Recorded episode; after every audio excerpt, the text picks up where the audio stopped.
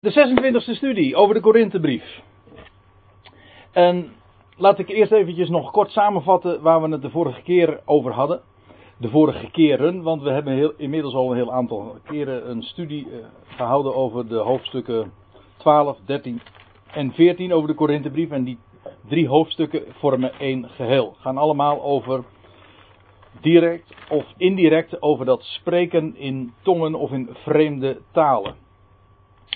Dat is de directe aanleiding daartoe. En wat we daarbij hebben vastgesteld over in hoofdstuk 12, dat is dat het spreken in talen, of het spreken in tongen, het is maar hoe u het hebben wil. Maar spreken in talen vind ik wat concreter. Dan weet je ook meteen dat het werkelijk over talen ging en maar niet zo een of andere klanktaal. Ik geloof dat de NBV-vertaling in de, deze hoofdstukken het altijd heeft over uh, klankentalen. En daarmee suggererend alsof het uh, niet werkelijk om bestaande talen zou gaan, maar alleen maar om bepaalde klankuitbootsingen, uh, nabootsingen of uh, bewegingen van de tong waarbij geluid wordt voorgebracht. Nee, het zijn echt talen. Trouwens, dat hebben we al inmiddels één of twee keer vastgesteld en vanavond zullen we het wederom zien. Maar als het gaat om de rangorde van, deze, van dit genade-effect, van dit charisma, is de laatste in de rij van allemaal. U ziet dat aan, uh, in hoofdstuk 12. Als Paulus een hele opsomming geeft van genade-effecten, van bedieningen, dan noemt hij spreken in talen uh, als laatste. En het vertolken daarvan. In hoofdstuk 13, daar gaat het erom, daar gaat het uiteraard om de liefde Gods, waarin, waar de apostel Paulus op wijst, als de uitnemende, overtreffende weg die hij dan wijst. Maar de directe aanleiding is ook hier nog steeds het spreken in taal. En wat hij naar voren brengt in dat hoofdstuk, is dat het evenals het uh, profeteren, maar ook het uh, een, een, een gave als het doorgeven van kennis, van goddelijke kennis, direct aan de mensen bekend te maken. Wel, dat zijn gaven genade-effecten die slechts van tijdelijke aard zijn. En Paulus zegt daarvan in hoofdstuk 13: het hoort nog steeds, het hoort bij de kinderlijke fase. En als de volwassenheid is aangebroken, als de Ecclesia volwassen zou zijn, wel dan zouden die gaven, die bedieningen of genade-effecten, die zouden ophouden. Tongen, zij zullen verstommen. Profetieën, ze zullen afgedaan hebben. Namelijk als de volwassenheid komt. De het volmaakte staat er dan in de MBG-vertaling. Dat was hoofdstuk 13. En in hoofdstuk 14, althans het eerste gedeelte daarvan, daar zijn we nu nog steeds mee bezig. Daarin brengt Paulus naar voren dat, uh, dat spreken in talen inferieur is, minder waard is dan het profeteren. Je kunt natuurlijk zeggen, het zijn beide genade-effecten bedieningen van Gods wegen. Jawel, maar als het gaat om het opbouwend effect ervan, wel dan is profeteren veel en veel meer. Ook dat zullen we vanavond nog uh, verder gaan zien, want we waren nog maar eigenlijk halverwege het betoog van de apostel. Je zou natuurlijk kunnen zeggen dat eh, deze hoofdstukken gaat over, gaan over zaken die inmiddels tot het verleden behoren. Concreet, het profeteren, spreken in tongen, dat is al lang en breed over de datum. We zijn, uh, de, de Ecclesia is sinds de voltooiing van de schriften in de, in de fase van de volwassenheid gekomen. En dan zou je als gevolg daarvan kunnen concluderen dat die hoofdstukken dus feitelijk ja, voor ons minder ter zake doend zijn. Maar dat bleek bepaald niet het geval te zijn. Het is ook voor ons van belang om te weten uh, wat het verschil is tussen die kinderlijke fase en ook wat de betekenis is van, van ja, die, die fenomenen die in die dagen bestonden. Ik weet wel, uh, men zegt dat het vandaag nog steeds bestaat. Want nou, dan heb ik meteen een tweede motief waarom het van belang is voor ons om deze dingen te bestuderen. En dat is dat er vandaag zo enorm veel namaak is.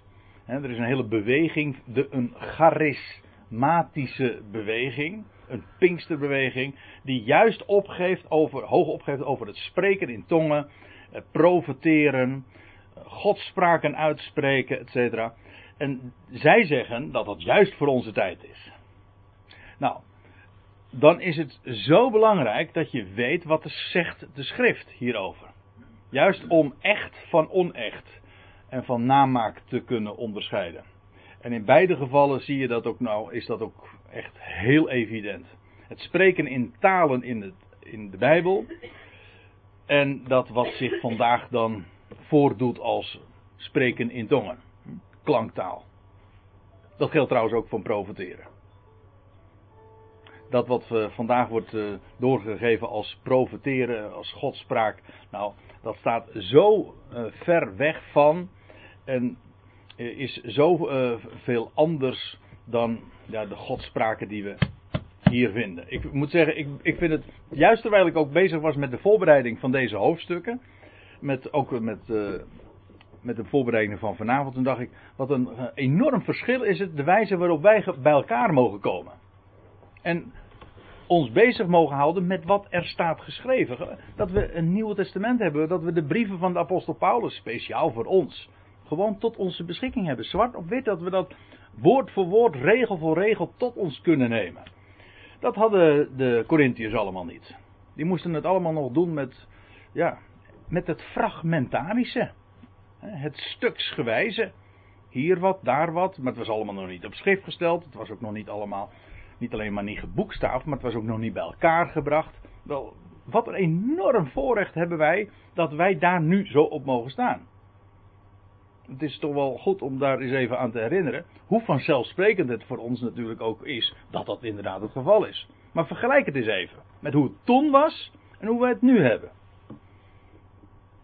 Maar goed, uh, spreken in talen is minder dan profiteren. Dat is uh, het punt dat de, de, apostel maakt in, de, in dat eerste gedeelte van hoofdstuk 14. Nou, laten we maar de draad oppakken. Het laatste vers wat we gelezen hebben en wat ik ook al behandeld heb.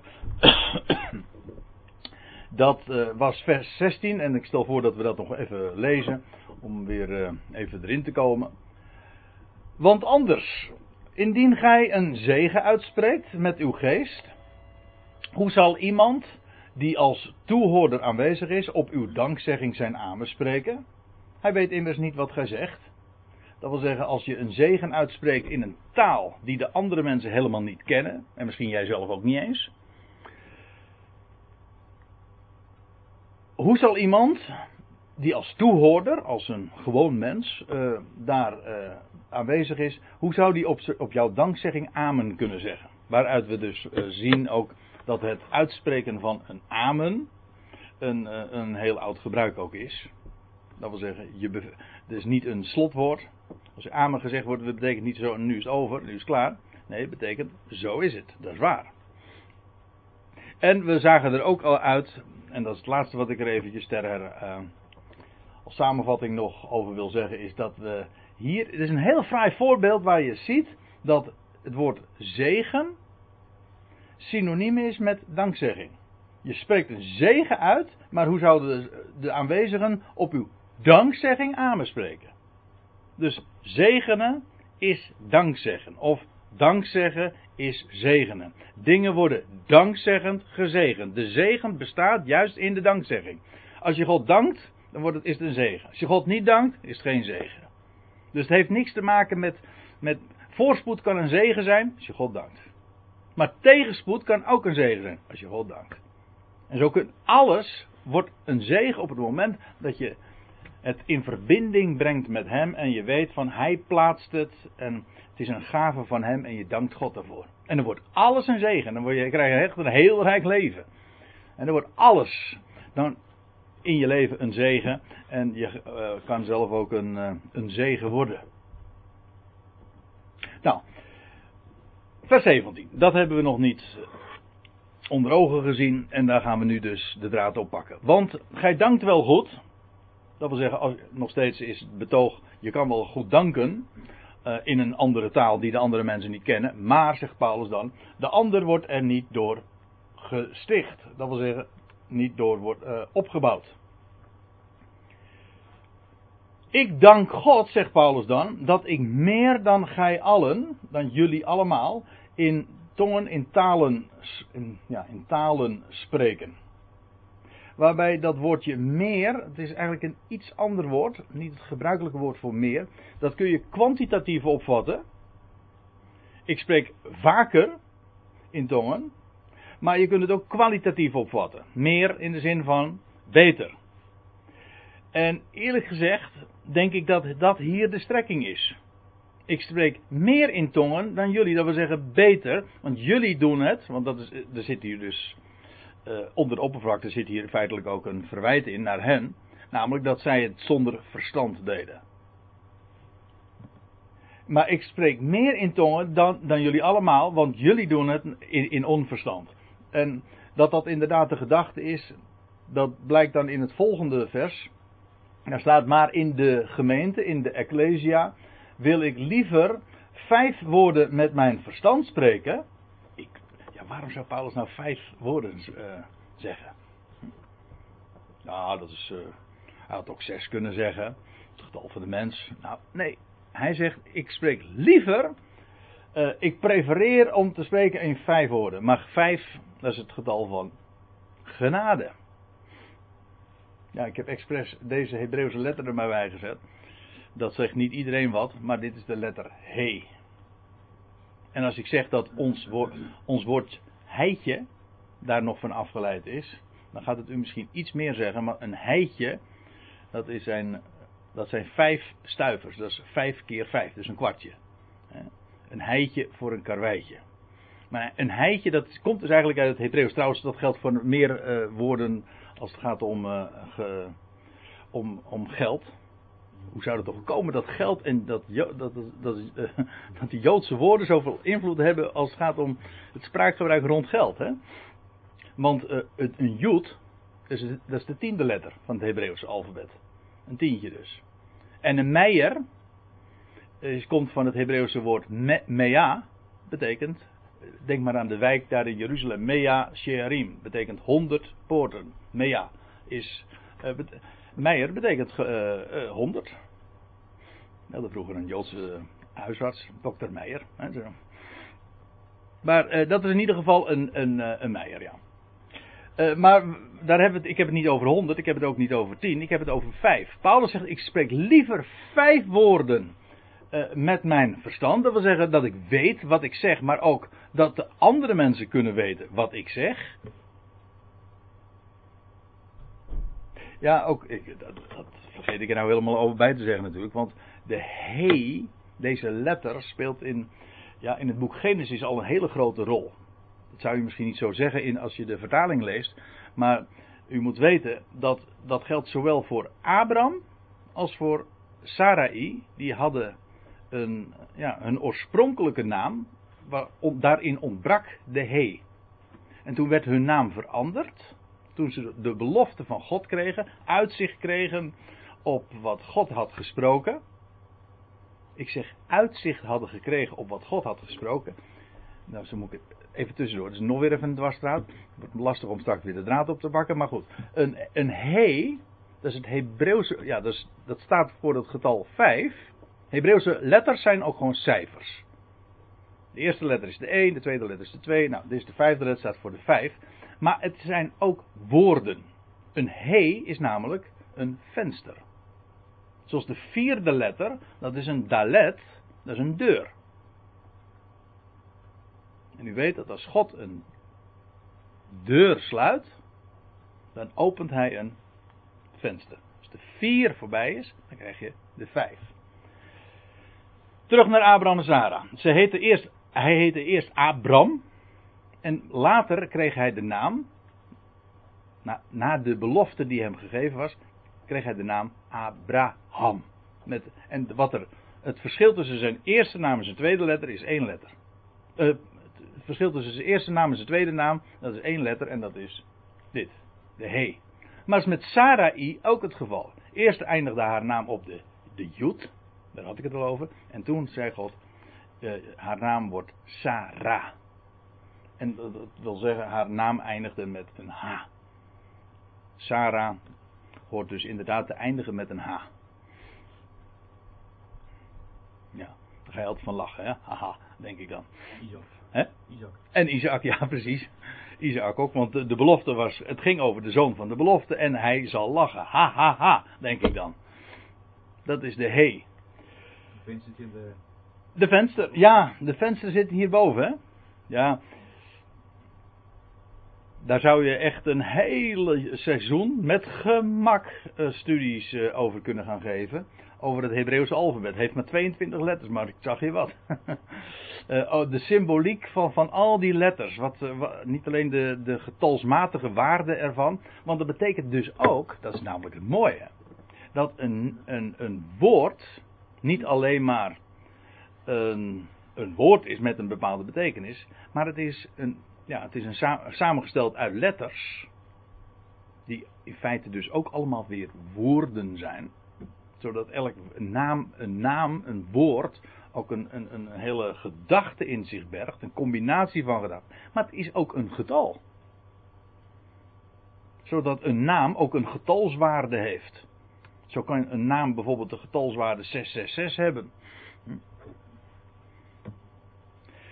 En wie verstand heeft, die berekenen het, zegt openbaring 13 vers 8. En ik ken ook iemand met de getalswaarde, de naam van de getalswaarde 888. Dat is dan in het Grieks trouwens. Dat is Jezus, Yeshua. Ehm, ja, Jezus. Dat is 888. Maar goed, eh, dit zijn zo eventjes een paar uitstapjes. Maar ik zeg dat even omdat de apostel hier zegt: In de Ecclesia wil ik liever vijf woorden spreken met mijn verstand. Vijf. Genade. Ja. Eh, om ook anderen te onderwijzen in die vijf woorden. Met verstand, met inzicht, met begrip. Maar allemaal gevuld met en doordrokken van genade. Dan duizenden woorden in een tong. Nou, er staat eigenlijk eh, niet het woordje gilia. Eh, wat, eh, dat is gili, dat is duizend. Maar er staat myriaden. En dat betekent, dat is niet duizenden, dan maar tienduizend. Zodat de verhouding nog veel sterker wordt. Dus hier, als je het nou hebt over wat is de waarde nou van een profetie, dat wil zeggen in begrijpelijke taal, ten opzichte van het spreken in een tong. Nou, dat staat dus, eh, dat als je het getalsmatig uitdrukt, dat is een verhouding 5 staat tot tienduizenden. Dus het is echt in die zin ook verre inferieur, minder waardig eh, van het een ten opzichte van het ander. Niet omdat het spreken in tong op zich geen betekenis heeft. Het heeft een hele grootste betekenis. We hadden het er al over. God wilde daar iets mee duidelijk maken. Namelijk dat het heil naar de natieën was gegaan. En het heeft te maken met verborgenheden. We hebben dat ook de vorige keer gezien. Wie in een tong spreekt, spreekt verborgenheden. 1 Korinthe 14 vers 2 was het geloof ik. Maar profetie, wie profeteert en wie onderwijst, gewoon in duidelijke taal, eh, is zoveel meer. Broeders, zegt Paulus dan in vers 20, wees geen kinderen in het verstand, dat wil zeggen, wees niet klein en onmondig in het verstand, maar in de boosheid. Letterlijk in het, in het kwaad staat er. Gewoon een woord voor, uh, voor kwaad. En waarom zegt hij, wees kinderen daarin? Nou, wees daarin maar klein en onervaren. Dat is de gedachte dan. En daar staat tegenover, word in het verstand, het begrip, volwassen. En dit is nou zo mooi, want weet u nog dat we het toen in 1 Korinthe 13, ik heb er zojuist nog even aan gerefereerd, in 1 Korinthe 13 vers 8. Dat was het toch? Wat was, was vers 10? Nee, vers 10 is het. 1 Korinthe 13 vers 10, dat we daar het woord uh, volmaakt tegenkwamen. Nou, dat is exact hetzelfde. Oh, heb ik hier ook de fout gemaakt. Het is 1 Korinthe 13 vers 10. Daar staat, um, als het volmaakte komt, dan zal het fragmentarische afgedaan hebben. Nou, dat woord wat daar vertaald wordt met volmaakt, dat wordt hier vertaald met volwassen. En in 1 Korinthe 13, dat is eigenlijk wat ik ermee wil zeggen, had men het ook met volwassenheid moeten weergeven. Juist omdat dat de hele, de, de beeldspraak is die de apostel daar hanteert. toen ik een kind was, sprak ik als een kind, voelde ik als een kind, overlegde ik als een kind. Maar nu ik een man ben geworden, kijk, dat is de beeldspraak. Het gaat over ontwikkeling, over groei. De ene fase laat je achter. Maar nu ik man ben geworden, heb ik afgelegd wat kinderlijk is. Dat, het is het een of het ander. Het heeft allemaal zijn plaats, maar ja, bepaalde dingen die, die eh, zijn over, op een bepaald moment echt voorbij. Dat is normaal, zo hoort het ook. En wordt in het verstand volwassen. Dat is het woord dus. En nou komen we bij een vers waar ik al vaker aan gerefereerd heb. Sterker nog, ik, het was niet de vorige keer, maar die keer daarvoor, toen heb ik er wat uitgebreider bij stilgestaan. En, en toen sprak ik eigenlijk voor mijn beurt. Want toen heb ik u meegenomen naar eh, Jezaja 28. En ik wil het alsnog doen, ik ga het nu alleen veel sneller doen. Juist omdat ik nu pas eigenlijk hier aan toe ben. In de wet staat geschreven, Paulus is dus bezig met zijn betogen over het spreken in tongen en de waarde ervan. In de wet staat geschreven, in, en ik kan u verklappen dat is Jezaja 28 vers 11. In de wet, dat kan namelijk een aanduiding zijn voor de, de boeken van Mozes. Maar het kan ook een aanduiding zelfs zijn van heel de Tenach. Dat wil zeggen heel het Oude Testament. En dat zie je hier heel duidelijk. Want er staat in de wet staat geschreven, terwijl een citaat uit Jesaja 28 is. Waaruit dus volgt dat de wet niet alleen maar de boeken van Mozes zijn. In de wet staat geschreven. Ja, en nou gaan we eens even naar Jesaja 28 toe. Ik heb dat de vorige keer al, uh, of een, vorige keer gedaan. Maar ik doe het nu nog even, en ik doe het nu even snel. Want Paulus verwijst nu naar Jesaja 28. En voordat ik nu verder Paulus betoog ga volgen en die draad, uh, dat lijntje vasthouden, wil ik u eerst even meenemen naar dat gedeelte waarnaar hij nu verwijst. Namelijk Jezaja 28. En het grote voordeel is van de wijze waarop ik het nu ga doen, is dat ik meteen ook even bepaalde dingen recht kan zetten die in de vertaling niet helemaal uit de verf komen. En kan het nu ook meteen laten zien. Dat is het grote voordeel van een beamer. Er staat in 28. Eh, ik neem even vers, mee naar vers 9. Wie wil hij. Oh, wat heb ik gezegd? Uh, daar hoort dit te staan. Laat ik het meteen dan even goed doen.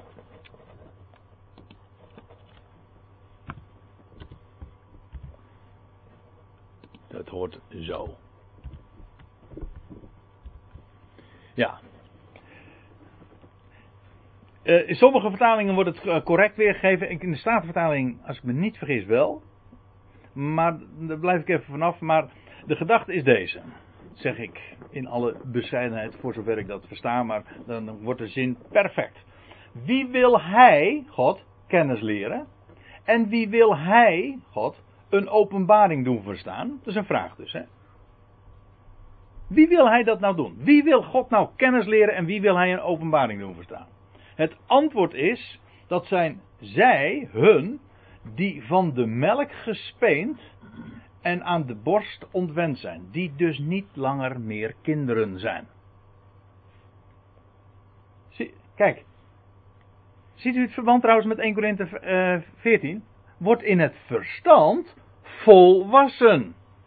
Laat het kinderlijke achter je. Dan gaat hij vervolgens Jesaja 28 citeren. En dan, wat staat daar?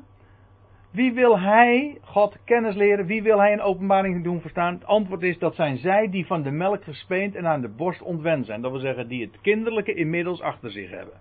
Die niet langer onmondig en een baby zijn, maar volwassen zijn. Kunnen kouwen. En die werkelijk de dingen verstaan waar het God werkelijk om te doen is. Kijk, melk is helemaal niks mis mee. Ik bedoel, dat wat je aan een kind geeft. Maar ja, het is. Uh, met, een kind kun je nog. Met een baby die nog uh, aan de moedermelk zit. Daar kun je niet mee communiceren.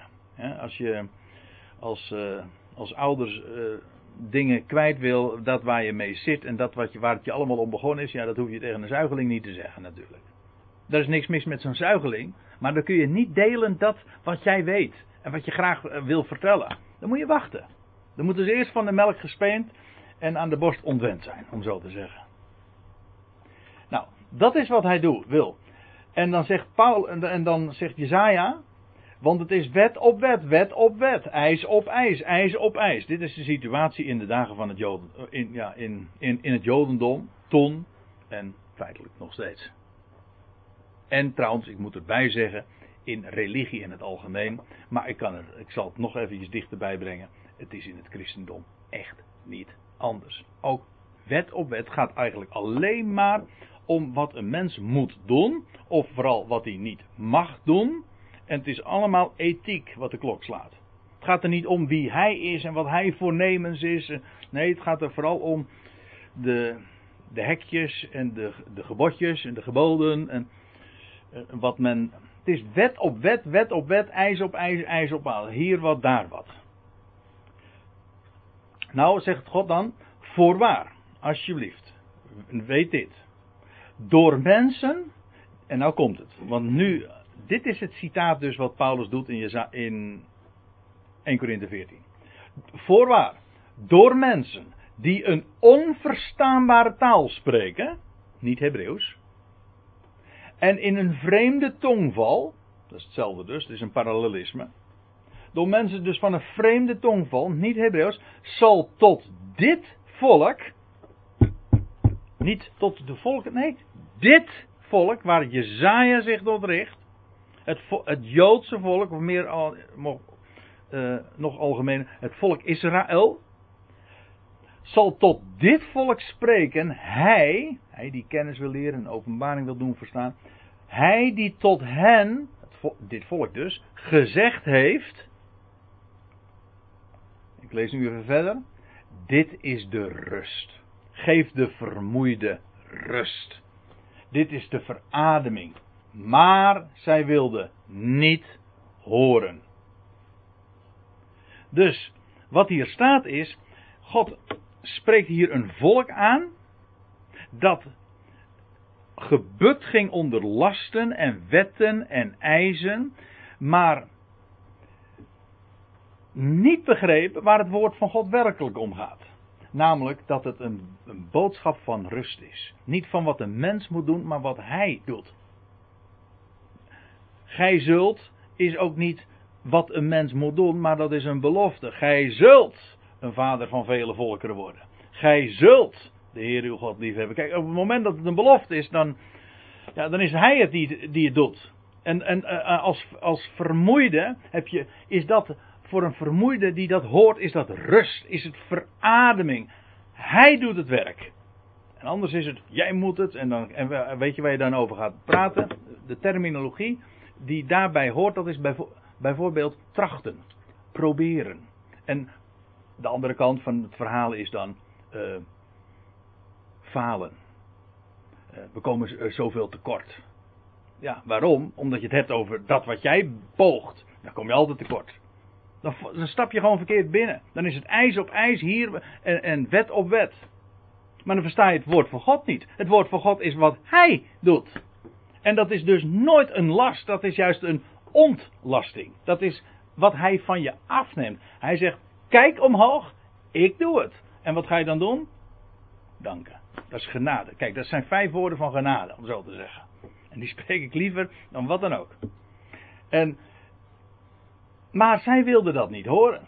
En dan staat erbij, zegt, wordt er nog aan toegevoegd. Zo zal voor hen het woord des Heren zijn, wet op wet. Weer die herhaling dus. Hè. Wet op wet, wet op wet, ijs op ijs, ijs op ijs. Hier wat, daar wat. Opdat zij bij hun gaan. Het gaat nog steeds over dit volk, hè. Achterwaarts struikelen, te pletter vallen, verstrikt en gevangen worden.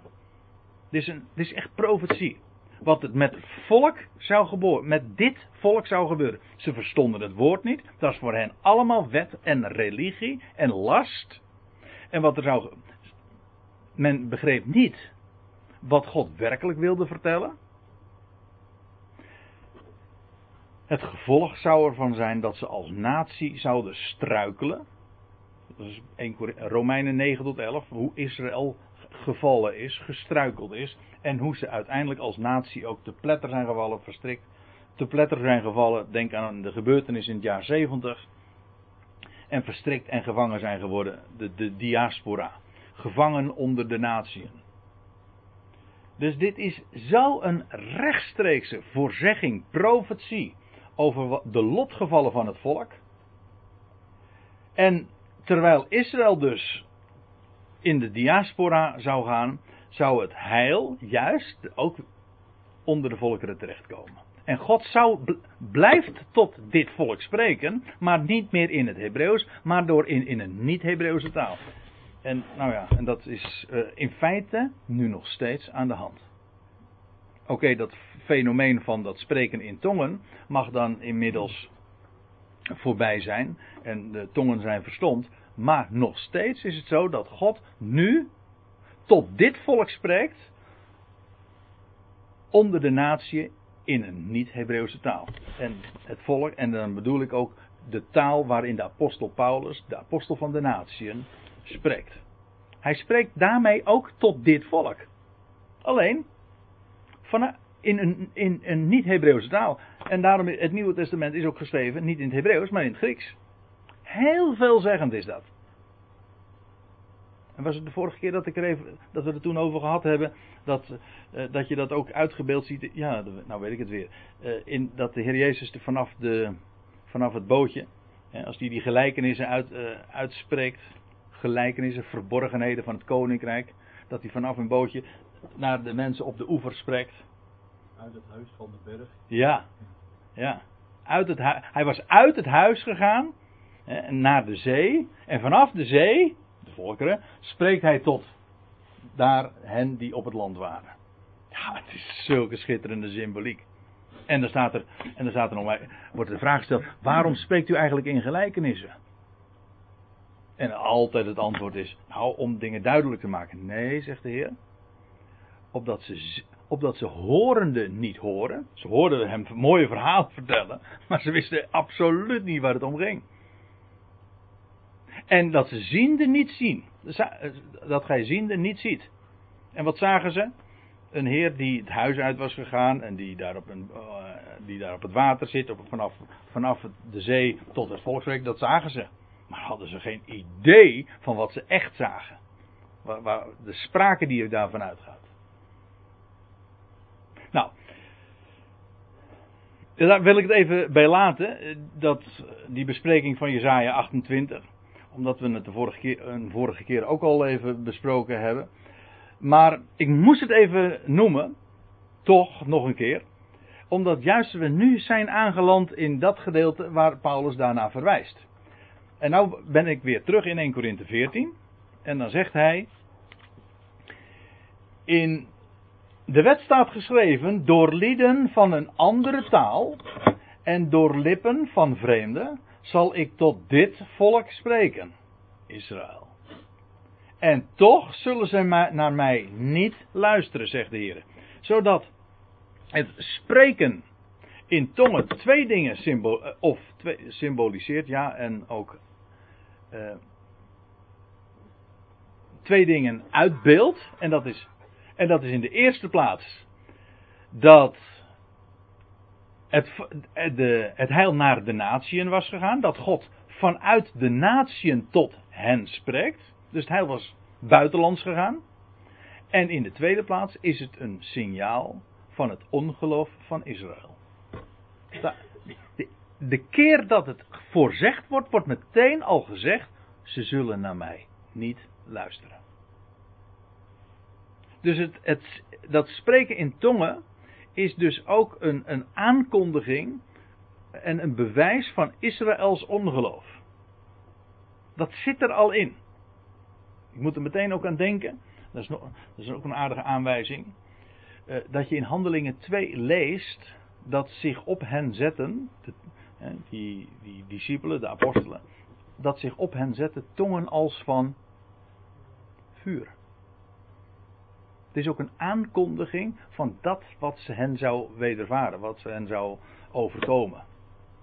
Waar ik het net ook over had. Het oordeel dat over Israël. Israël dat terzijde geschoven, eh, zal, gesteld zal worden. tijdelijk, dat weet ik, maar niettemin. Ongeloof dus. Dus zelfs die uitdrukking tongen als van vuur, dat is uiteraard ook beeldspraak. Maar het is niet voor niks, want vuur is altijd in de Bijbel ook een uitbeelding van oordeel en van reiniging. Dus het is heel veelzeggend, dit 21ste vers in 1 Korinthe 14.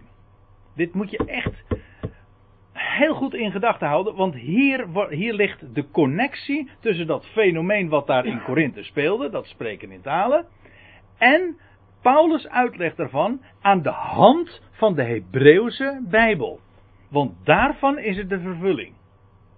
En wat is daarin mee gezegd? God sprak door lieden van vreemde tongval tot dit volk, een volk dat niet naar hem luisterde en wilde luisteren.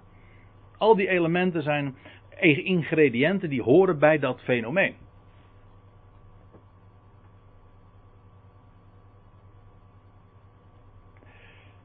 Derhalve, vers 22, Paulus gaat concluderen. Derhalve, zodat uh, de tongen, die talen, een teken zijn.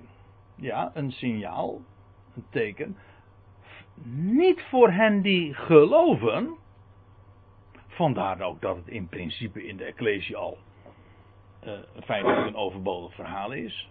Het is een teken niet voor hen die geloven, maar voor de ongelovigen. En dan niet eens zomaar ongelovigen in het algemeen, maar het ongelovige Israël. Dit volk dat naar mij niet wil luisteren. Dus als hier staat de ongelovigen, dan moet je niet aan, aan de ongelovigen in het algemeen denken. Nee, dan moet je aan die ongelovigen waar het in het voorgaande vers over ging. Dit volk. Dat naar mij niet wil luisteren. Dat, dat niet, naar mij ook niet zal luisteren.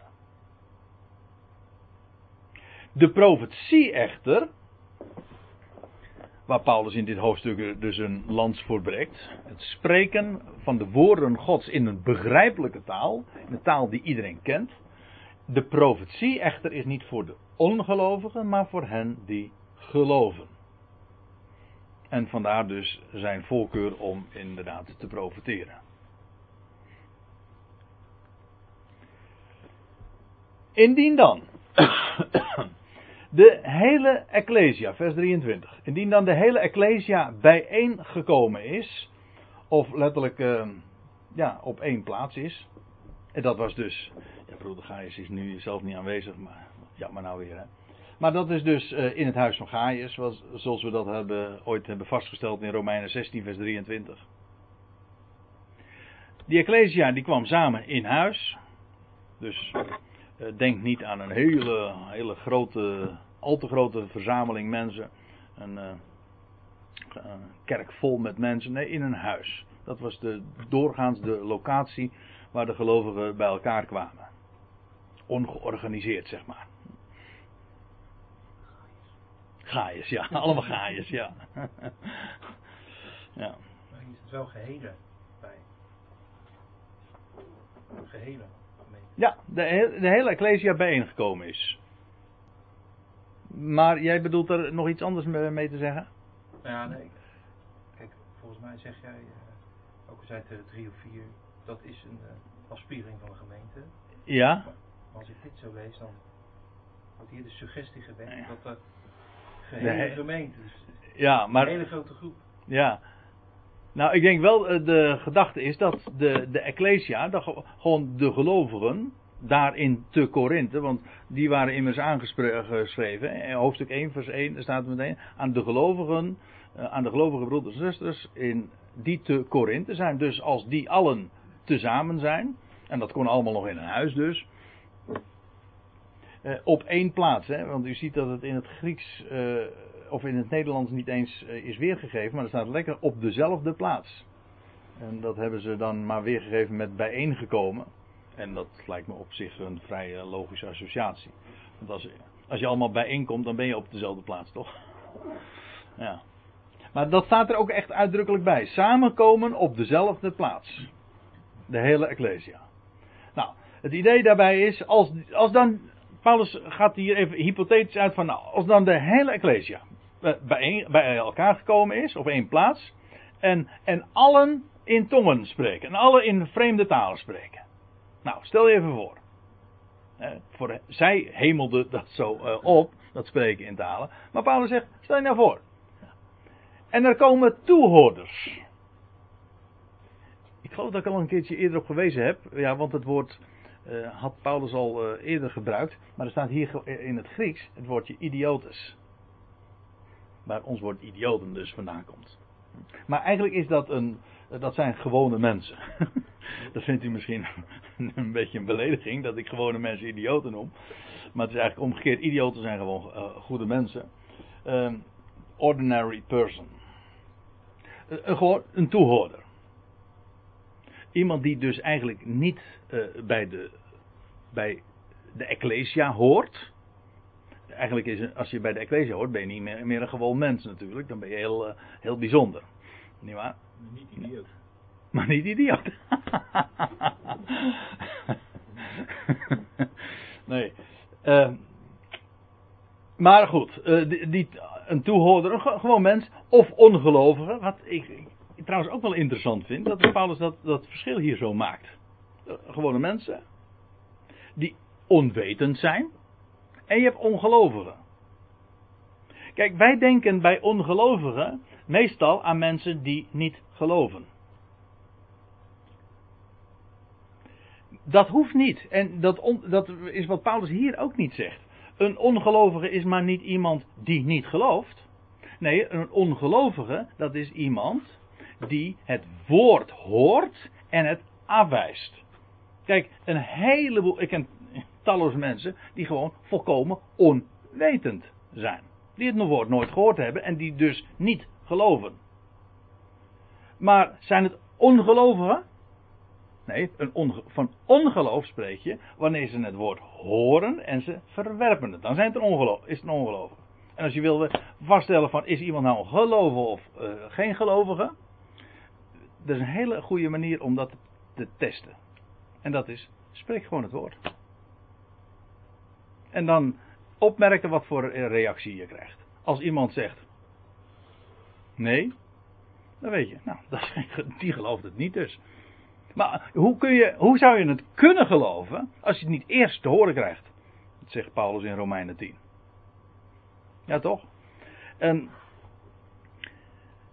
Ja, nou ja, daar had ik het afgelopen zondag nog. Zojuist hadden we het er ook nog eventjes over. Ja, wat zijn nou ongelovigen? Hè? Dat, kunnen, dat kunnen zelfs dus mensen zijn. Afgelopen zondag in Zoetermeer. Niet iedereen was daar, maar goed. Uh, die. Uh, toen, toen had ik het er even over dat ook al zeg je, ook al geloof je het wel, maar je komt er niet vooruit, dat is in de Bijbel ongeloof. Geloven doe je namelijk met het hart.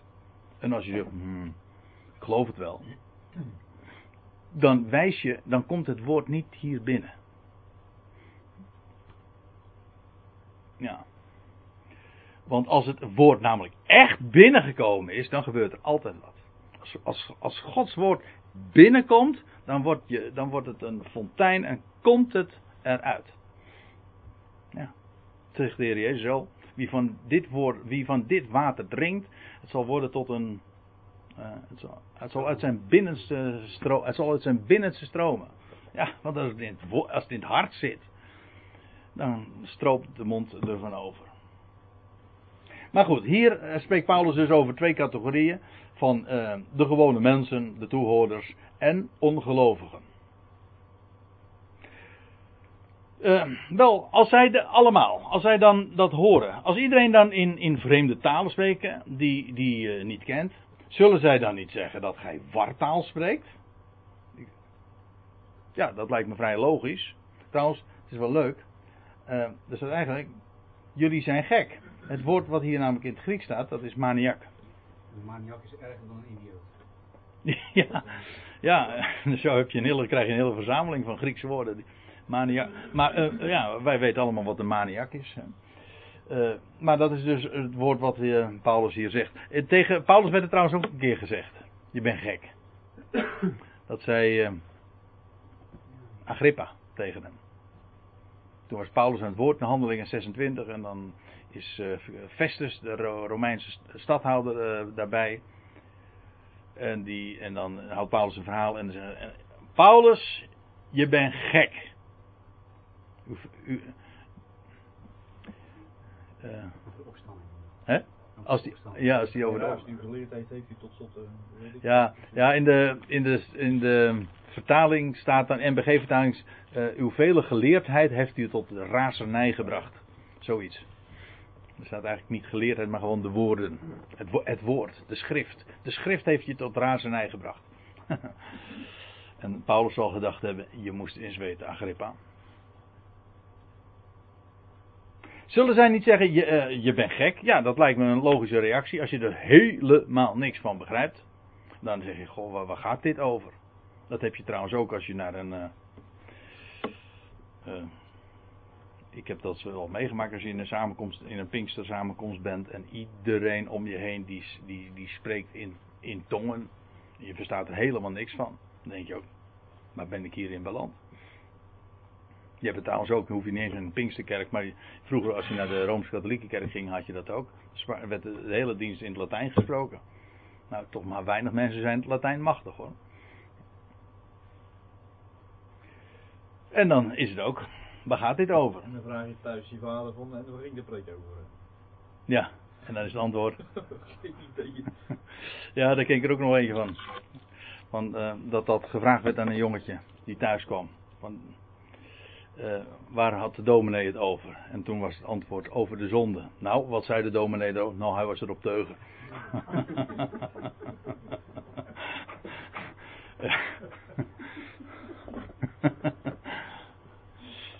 ja.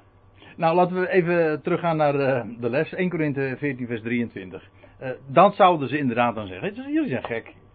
En, maar als alle daarentegen profiteren in taal die, ze, die zij dus kennen, en er komt een ongelovige of toehoorder binnen, dan wordt hij door allen weerlegd. Dat staat eigenlijk blootgesteld. Ja, dat wordt dan terechtwijzen. Ik denk dat het nog uh, sterker is. Uh, hij wordt, uh, het, het, binnenste komt, wordt, hij wordt binnenste buiten gekeerd, ja. Dat wat zijn motieven zijn, zijn gedachten, wordt aan de kaak gesteld. Hij wordt, ja, vandaar dus ook weerlegd. Maar dit is dus eigenlijk de gedachte. Hij wordt, wordt blootgelegd. En dan wordt hij door allen doorgrond. Hier staat een, woord dat, uh, dat letterlijk dus beoordelen is. Waarom? Vanwege het woord het woord Gods dat dan gesproken wordt. Ik weet wel, en dat heb ik uh, natuurlijk nu ook in deze avonden naar voren gebracht. Het profeteren heeft afgedaan. Maar daar staat er tegenover, ook nu kunnen we juist des te meer de woorden Gods in onze mond nemen en spreken. Gewoon zwart op wit. Dat woord heeft kracht. En als dat dan. Uh, als er dan gesproken wordt, wel, dan, wat een geweldige situatie heb je dan niet als er iemand binnenkomt en dat is zo evident, zo duidelijk. En als God iemand aanraakt, ja, wat er dan gebeurt is dit. Het verborgene van zijn hart komt aan het licht. En hij zal zich ter aarde werpen en God aanbidden. Of ja, die staat de God aanbidden. Want hij wordt geconfronteerd met het woord van de God. En dan is hij niet onwetend meer, maar het komt, dat komt zo dichtbij. Het woord raakt, komt direct binnen in het hart. Dat woord aanbidden, uh, letterlijk, dat is wel een mooi woord, maar dat heeft iets te maken met een hond. Uh, er staat letterlijk na, ja, naartoe krioelen, dat is kwispelen. Het idee, het idee daarbij is wat een hond doet. Die, die zich onderwerpt aan. Hè, die kwispelt en die wijdt zich aan zijn baas. In, in het Grieks, dat, ik bedoel, bij ons heeft dat woord een, een heel andere betekenis. Maar het idee is dus de volledige onderwerping. Zoals een hond dat doet en kwispelt voor zijn baas. Want dat idee van dat krioelen, dat kwispelen, zit, zit, zit in het Griekse woord. Vandaar ook dat als hier gezegd wordt, hij zal zich ter aarde werpen. Dat is ook een beeld, een uitbeelding natuurlijk van onder, letterlijk onderwerping. Je werpt je eronder. En je. En zoals een hond. Uh, hoe zeg je dat? Uh, kniel je voor je baas. Een, echt een, een daad dus van onderwerping en van onderschikking.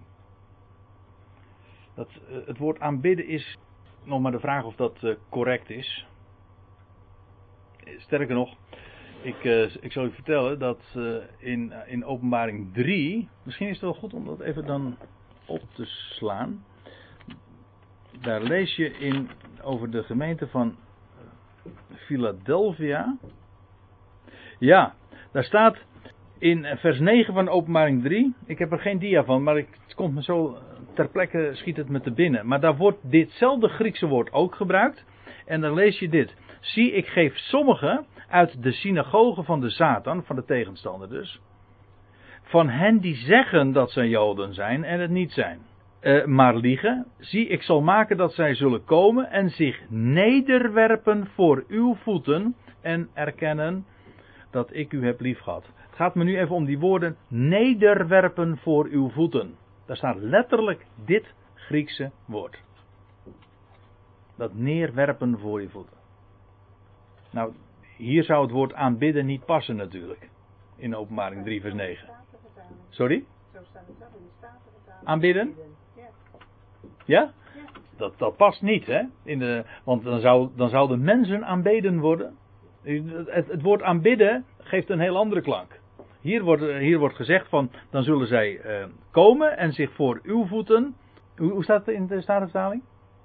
Dat zij uh, zullen komen en aanbidden voor uw voeten. Oh ja. Dat ik heb. Hier wordt het dus weergegeven met nederwerpen. En, uh, en de Statenvertaling met aanbidden. En ik weet waarom de MBG natuurlijk hier nederwerpen heeft, daarvoor heeft gekozen. Omdat het woord aanbidden hier niet zo op zijn plek is. Omdat mensen niet aanbeden worden. Dus het woord is breder. Dat, dat is eigenlijk wat ik ermee wil zeggen. Het is een daad van onderschikking, van absolute onderwerping aan. Nou goed. Het verborgene van zijn hart, als, als hij zo iemand, zo'n toehoorder of een ongelovige, het woord van God komt tot hem. En, en, en dat is zo evident. Het verborgene van zijn hart komt aan het licht. Hij zal zich ter aarde werpen. God aan, aanbidden of zich, ja, zich nederwerpen voor God en beleiden er vooruitkomen, reporting, dat God inderdaad in de God te midden van jullie is. En dat is de, ja, dat is de uitwerking van, van wat het woord vermag met een mens te doen.